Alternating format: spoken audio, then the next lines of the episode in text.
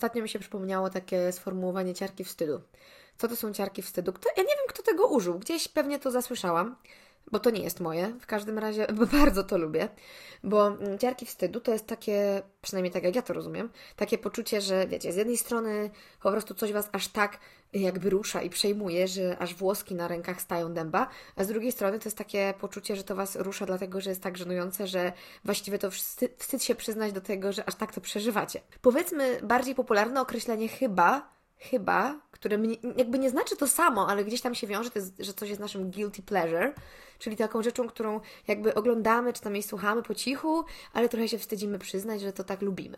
No i takim moim guilty pleasure są mm, koreańskie dramy których jest bardzo dużo na Netflixie. I, ale wiecie, ja uważam, że koreańskie dramy są super. Na przykład dzięki koreańskim dramom kiedyś poznałam y, jedną moją super koleżankę w pracy, ponieważ siedziałam na tak zwanym florze w biurze i zadzwonił komuś telefon i ja nagle powiedziałam, o matko, co za melodyjka, brzmi jak z koreańskiej dramy. I wtedy Ola się odwróciła. Mówi, kto to powiedział? I okazało się, że ona jest po japonistyce i w ogóle też się mega jara Koreą. I tak się zakumplowałyśmy. No te koreańskie dramy mi się przydały w praktyce. Ale w ogóle dlaczego o tym mówię? Bo no bo właśnie to jest takie moje guilty pleasure, mój mąż się z tego śmieje, bo serio, obejrzyjcie chociaż jeden jakikolwiek odcinek na Netflixie, to się tak różni od naszych seriali. No, naprawdę. I to jest w ogóle materiał na osobny odcinek. Także kiedyś Wam o tym może troszkę więcej opowiem. Natomiast dlaczego mi się to dzisiaj przypomniało? Przypomniało mi się to dlatego, bo wiecie, dzisiaj moim guilty pleasure może być koreańska drama, ale jak sobie o tym pomyślę, to na przykład 20 lat temu oglądałam rzeczy, do których jakbym dzisiaj wróciła, to byłoby to moje guilty pleasure, a wtedy mi się wydawało, że to jest bardzo fajne i że w ogóle super i w ogóle ekstra wow i takie modne, popularne i że w ogóle wcale to nie wstyd to oglądać. A konkretnie chodzi mi o rzeczy, które jakby na to spojrzeć z perspektywy czasu, no to się znakomicie przeterminowały. Um, jednym z takich seriali, bo tutaj chodzi, no powiedzmy, zacznijmy ten odcinek od seriali, bo jednak to jest rzecz, która mnie w ogóle zainspirowała do nagrania tego podcastu, tego odcinka. To jest serial, do którego wróciłam. Jak sobie liczę dobrze, no to po 23 latach. Tylko dlatego, że ja nie, właściwie nie wiem, jak to się stało, że w ogóle zaczęłam myśleć z powrotem o, tym, o tej produkcji, ale stało się tak, że postanowiłam do niej wrócić, bo gdzieś tam z tyłu głowy sobie uświadomiłam, że nie wiem, jak się skończył ten serial. W każdym razie okazało się, jak później pogrzebałam na Wikipedii, że serial, o którym zaraz Wam powiem, ma dwa sezony i ja widziałam tylko jeden jako dziecko. No, więc stwierdziłam, nie, muszę go zobaczyć, muszę go znaleźć, e, ponieważ wtedy emitowała go telewizja polska, to teraz tylko na stronie internetowej telewizji polskiego można obejrzeć. Także bardzo się wstydzę, że oglądałam na tej stronie, no ale powiedzmy, że nie miałam tutaj większego wyboru, także przepraszam. W każdym razie chodzi o serial Matki, Żony i Kochanki. To jest produkcja, która została nakręcona, jak dobrze pamiętam, dobrze liczę, w 96 roku, drugi sezon był w 98. I ja naprawdę ten serial oglądałam z zapartym tchem z moją mamą. Tam faktycznie chyba tylko obejrzałam pierwszy sezon, a potem po tych następnych dwóch latach mi umknęło. I najgorsze jest to, że ja wtedy myślałam, że on jest naprawdę super. No to była taka produkcja hitowa, tak jak teraz się ogląda, może nie teraz, no ale tak jak się oglądało kiedyś Seks w Wielkim Mieście, no to można powiedzieć, że Matki, Żony i Kochanki, przynajmniej mi się wydawało, że są taką polską odpowiedzią na Seks w Wielkim Mieście, chociaż generalnie tam specjalnie ani seksu, ani wielkiego miasta nie było, ale też były cztery przyjaciółki. Ale co się okazuje? Nasz serial był pierwszy. On był przed w ogóle przygodami Carrie Bradshaw, więc to jest hit. W każdym razie oglądałam ten serial, tak jak już powiedziałam, z zapartym tchem. E, szczególnie dlatego, że tam jedną z ról głównych grała Anna Romantowska, którą ja w ogóle od czasów wczesnego dzieciństwa uważam za jedną z najpiękniejszych polskich aktorek. I ona była taka w ogóle, wiecie, inna od wszystkich osób w telewizji, bo ona była taka bardzo eteryczna, tak inaczej mówiła. No było w niej coś takiego, że, że, że była taka intrygująca. jakby ja to tak odczuwałam jako dziecko. No i tam był taki właśnie wątek, powiedzmy, romantyczny między nią a, Janem Englertem. No i to był wątek, który bardzo przeżywałam i właśnie nie wiedziałam, jak on się skończył, dlatego do tego serialu wróciłam. Ale ja z tego serialu zapamiętałam właśnie, że tam była jakaś taka niespełniona miłość, że jakoś tak nikt się z nikim nie mógł dogadać, w sensie wiecie, że tam się schodzili, rozchodzili. Powiem Wam, że ten serial się tak zestarzał, ale on się po prostu przeterminował, ale to on się przeterminował, wiecie, jak taki, jak taki ser pleśniowy, że jak otwieracie go, to się Wam wydaje, że ta warstwa, która na nim wyrosła, to jest jeszcze ta pleśń taka, którą się hoduje, ale jak się to przekroi, to się okazuje, że to jest zielone. No więc ten serial się właśnie tak zestarzał. Po prostu serio nie mogłam uwierzyć, jak tam padały niektóre kwestie. Musiałam sobie przewijać te odcinki, bo to jest po prostu absurd. To jest przykład produkcji, która jak nasi rodzice byli w naszym wieku, w sensie w tym, w którym jesteśmy my teraz, czyli koło 30, była super popularna i co więcej była super aktualna, a teraz totalnie nie jest. I jakby wiecie, ja, ja znam też powiedzmy problem przyjaciół, tak, Franców. Bo wiele ludzi mówi, że to jest właśnie serial, który się przeterminował, że w dzisiejszych realiach mm, jakby nie przystaje do tych realiów dotyczących tolerancji i pewnych tematów tabu, tego z czego się możemy śmiać czy nie.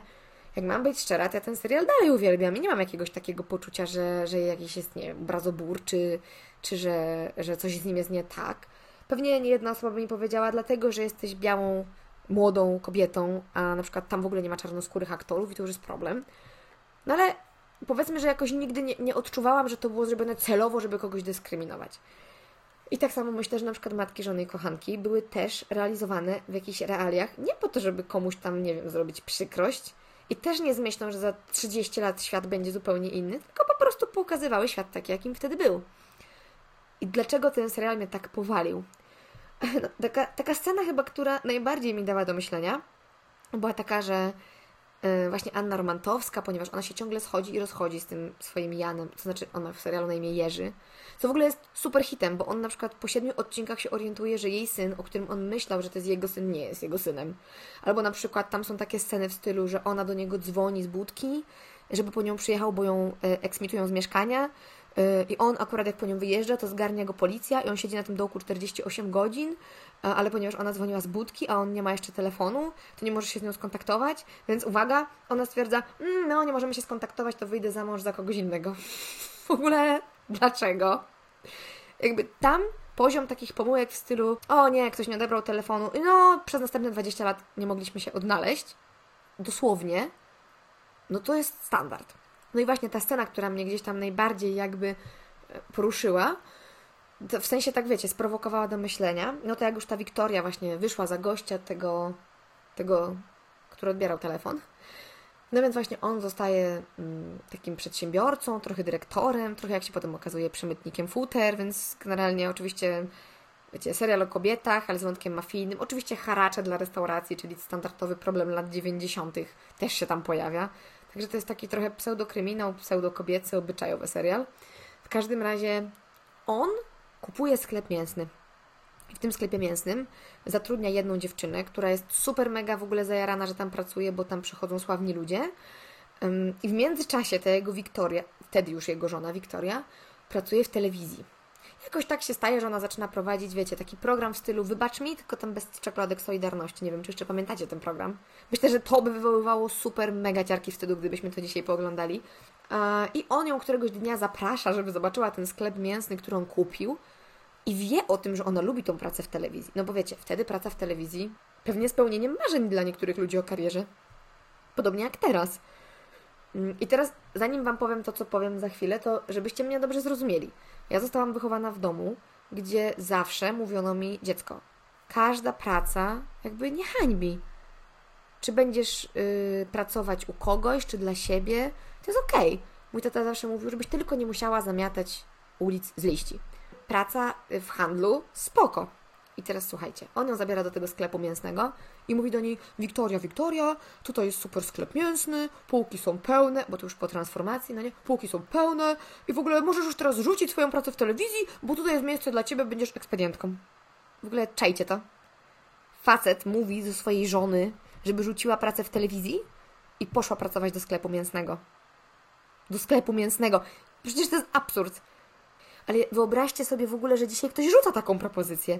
Wtedy to było na zasadzie, okej, okay, powiedziałeś to, nie, to mi się nie podoba. Przecież dzisiaj to ona by mu po prostu, ona by się mu roześmiała w twarz. Albo w ogóle może by nie wyszła za gościa, który w ogóle ma takie podejście do życia. W sensie, wiecie, on ją próbował ściągnąć absolutnie do parteru, bo go denerwowało, że ona ma pracę, która ją za bardzo angażuje. I ja sobie jestem w stanie wyobrazić, że jest wiele dziewczyn w takich związkach, albo wielu mężczyzn w takich związkach, gdzie partner kompletnie jakby nie szanuje ambicji drugiej osoby e, i próbuje tą osobę powiedzmy jakoś stłamsić. Ale wydaje mi się, że generalnie w dzisiejszych czasach, no to praca w sklepie mięsnym już nie jest szczytem marzeń. Poza tym, jak już na to spojrzeć z innej strony, to jego stosunek do jego żony, czyli jakby jego stosunek w ogóle do kobiet, to był po prostu fatalny. Rola kobiet w społeczeństwie się mega zmieniła. My o tym wiemy. O tym się teraz strasznie dużo mówi, jakby chociażby biorąc pod uwagę, co się ostatnio dzieje w tym kraju. I tak sobie myślę, ciekawe, co by było 30 lat temu, gdybyśmy się znaleźli w takiej sytuacji. Już pomijam uwarunkowania polityczne i fakt, że może nigdy byśmy nie, nie doszli do etapu, wiecie, wychodzenia na ulicę w takich sprawach, w jakich wychodzimy dzisiaj. Stosunek do kobiet jest zupełnie inny. Zupełnie inny i to dobrze, bo ja na przykład, wiecie, przez całe moje życie dotychczasowe nigdy nie miałam poczucia, że odbiłam się o ten tak zwany szklany sufit. To wiadomo, jakby nigdy nie piastowałam też jeszcze e, super wysokich stanowisk.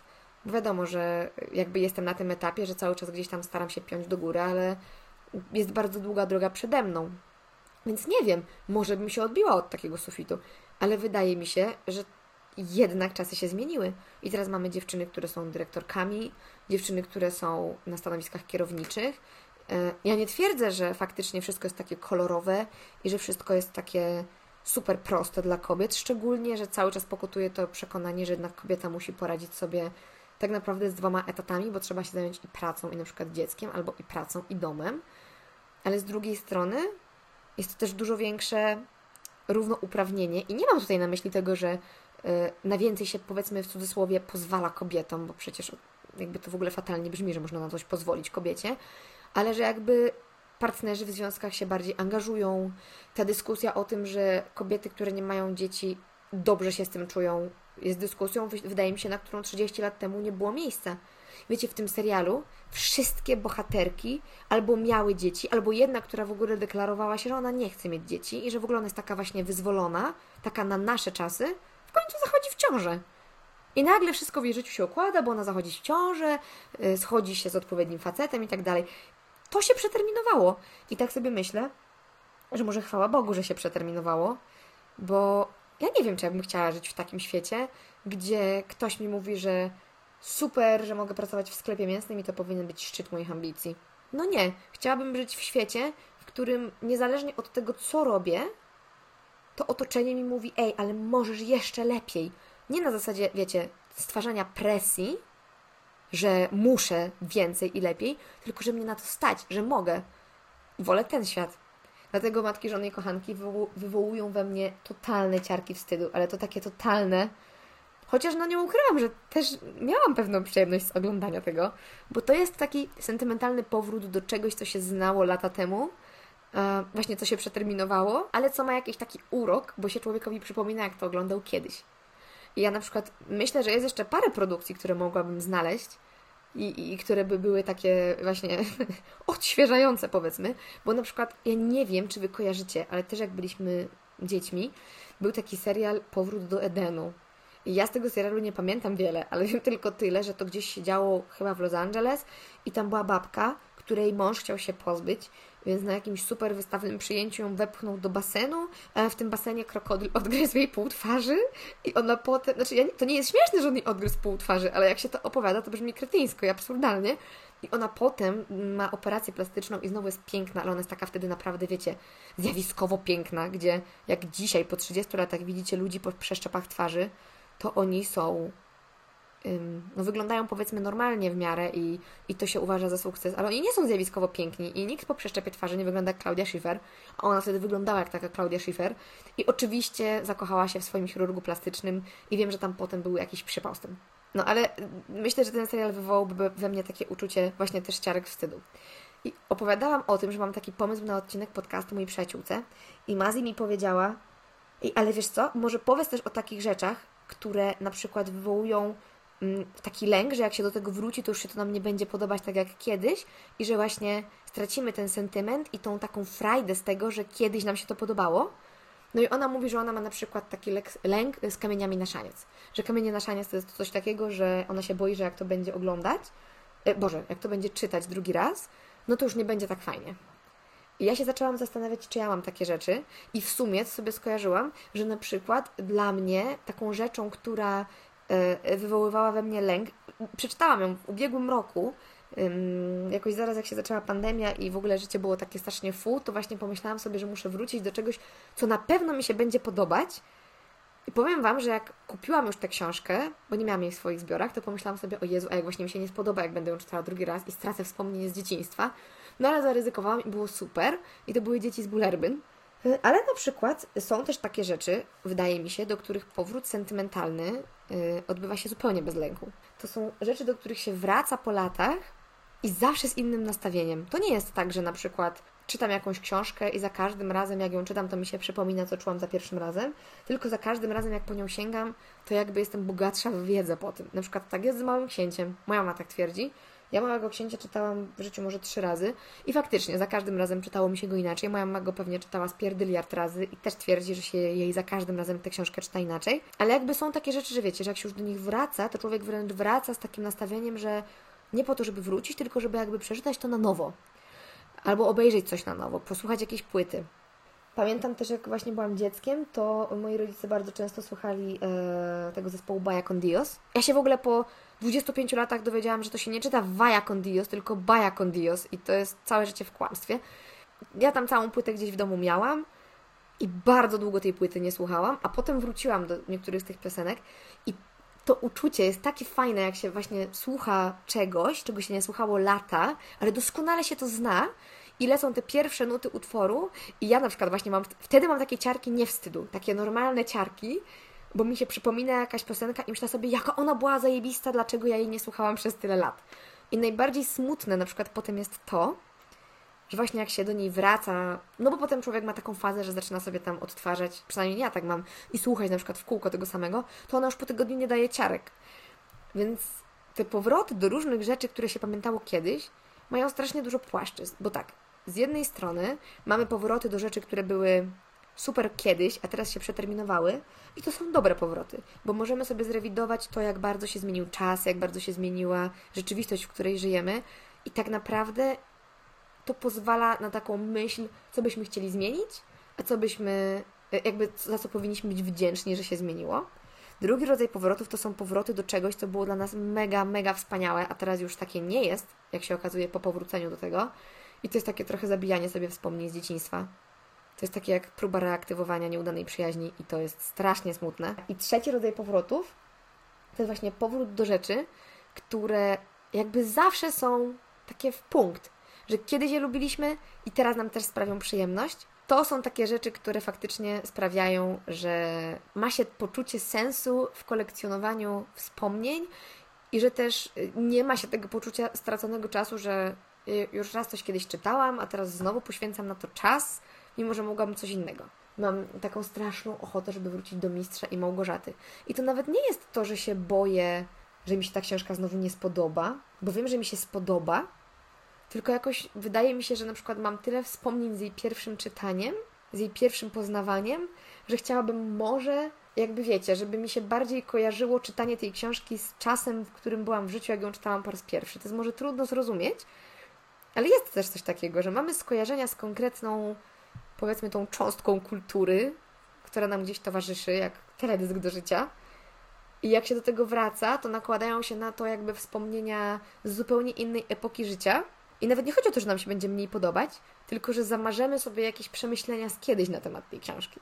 I może dlatego jeszcze po nią nie sięgnęłam, a może też dlatego, że u mnie stosik książek do przeczytania na już jest ciągle strasznie duży i ciągle rośnie i ja sobie ciągle obiecuję, że nie będę kupować nowych rzeczy, a potem niestety to robię.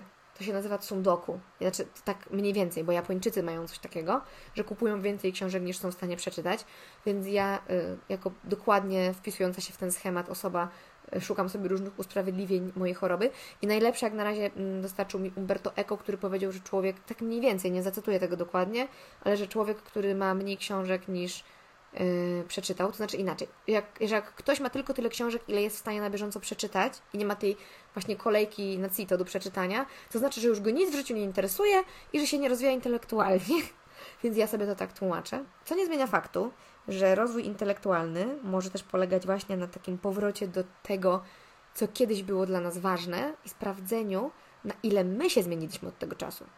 Książka, czy serial, czy film jest taki sam. To nie ulega zmianie. I tak samo jak 40 lat temu się czytało w pustyni w puszczy, tak samo to w pustyni w puszczy brzmi tak samo dzisiaj. Tylko pytanie, kim my jesteśmy, jak my to odbieramy. Bo tak naprawdę to, co znajdujemy w kulturze, To jest tylko to, co mamy w środku. Trochę jak patrzenie w odbicie lustrzane, nie? Także dzisiaj, żeby było jasne, co Wam chcę polecić. Chcę Wam polecić podróż sentymentalną w przeszłość, w taką Waszą przeszłość, powiedzmy, kulturową, żebyście sobie wrócili do rzeczy, które kiedyś Wam się wydawały super wyjątkowe i do których bardzo dawno nie sięgaliście, tylko po to, żeby sprawdzić, albo właściwie aż po to, żeby sprawdzić, czy to one się zestarzały, czy to Wy się zestarzeliście, czy może macie to szczęście, że a, trafiliście na takie niezwykle aktualne, zawsze aktualne perełki? No i tego Wam życzę. Tego i przeżycia ciarek. Czy to będą zwykłe ciarki, czy ciarki wstydu? Nieważne. Grunt, żebyście przeżyli ciarki. Trzymajcie się ciepło.